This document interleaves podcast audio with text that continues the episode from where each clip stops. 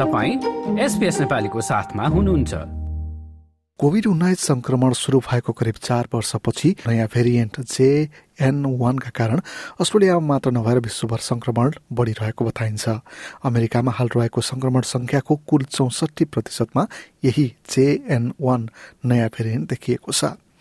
ओमिक्रोनको BA two H six भाइरसकै नयाँ भेरिएन्टका रूपमा जेएन वान भाइरस आएको र यो अत्याधिक संक्रमणयुक्त रहेको युनिभर्सिटी अफ साउथ अस्ट्रेलियाका प्रोफेसर एड्रियन स्टरब्यान बताउँछन् It's allowing JM.1 to better evade our immune system. So even if you've recently had COVID-19 or been vaccinated, it's made it much easier for JM.1 to infect you. र यसको प्रभाव अस्ट्रेलियाका विभिन्न राज्य र टेरिटोरीहरूमा व्यापक रूपमा देखिएको छ।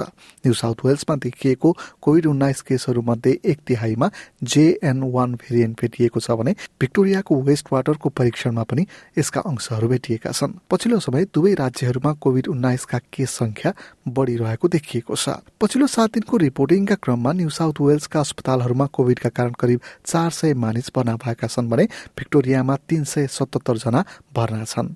क्विन्सल्याण्ड राज्यमा पनि गत अक्टोबरदेखि केस संख्या बढिरहेको छ। कि त्यसो भए नयाँ भेरिएन्टबाट अस्ट्रेलियावासीहरू डराउनु पर्ने अवस्था छ त?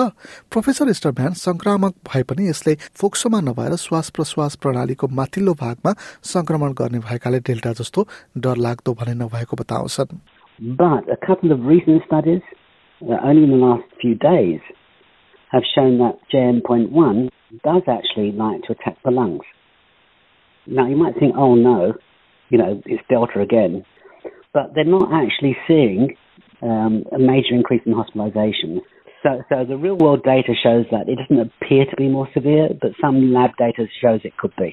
यता युनिभर्सिटी अफ न्यू साउथ वेल्सका भाइरोलोजीका एसोसिएट प्रोफेसर स्टुअर्ट टफिलले नयाँ भेरिएन्टमाथि निगरानी राख्नु भने आवश्यक रहेको बताए We've got to be mindful that there's a lot of things we don't know about the virus.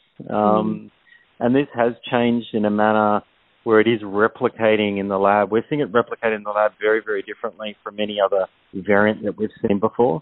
December महिना यता बजारमा आएका खोपहरू पहिलेको खोपभन्दा नयाँ भेरिएन्टका लागि उपयुक्त रहेको प्रोफेसर स्टरब्यानको भनाइ छ। बितेको छ महिनामा पचहत्तर वर्ष माथिका केवल बाइस प्रतिशत अस्ट्रेलियनहरूले मात्र कोभिडको बुस्टर डोज लगाएकाले यो चासोको विषय बनेको पनि उनको भनाइ छ। पैसठीदेखि पचहत्तर वर्ष उमेर समूहमा भने बुस्टर डोज लगाउने मानिसहरूको संख्या केवल पन्ध्र प्रतिशत मात्रै छ।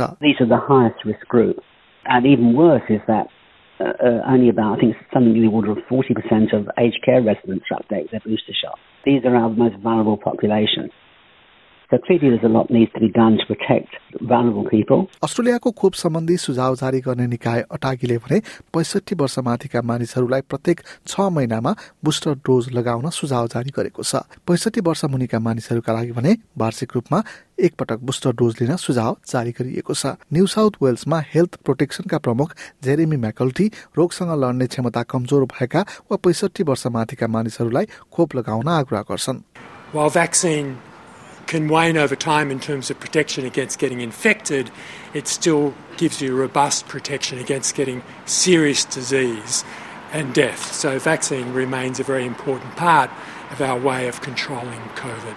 Professor Stuart Turville आगामी दिनमा आउने बुस्टर डोजहरू र मानिसहरूको रोगसँग लड्ने क्षमतामा वृद्धि हुँदै जाँदा भोलिका दिनमा कोभिड उन्नाइसको प्रभाव पनि कम हुँदै जाने विश्वास व्यक्त गर्छन् What we're seeing now in the population is that there's maturation, that they're better quality antibodies that are being produced, they're more cross-reactive, and we're seeing the antibodies even bind to variants that, that you know, at the time didn't exist. I'd say that over time what we're seeing, we'll see that that, that trajectory will become better and better and better, and hopefully, hopefully we'll corner the virus. Like share र comment गर्नुहोस् SBS नेपालीलाई फेसबुकमा साथ दिनुहोस्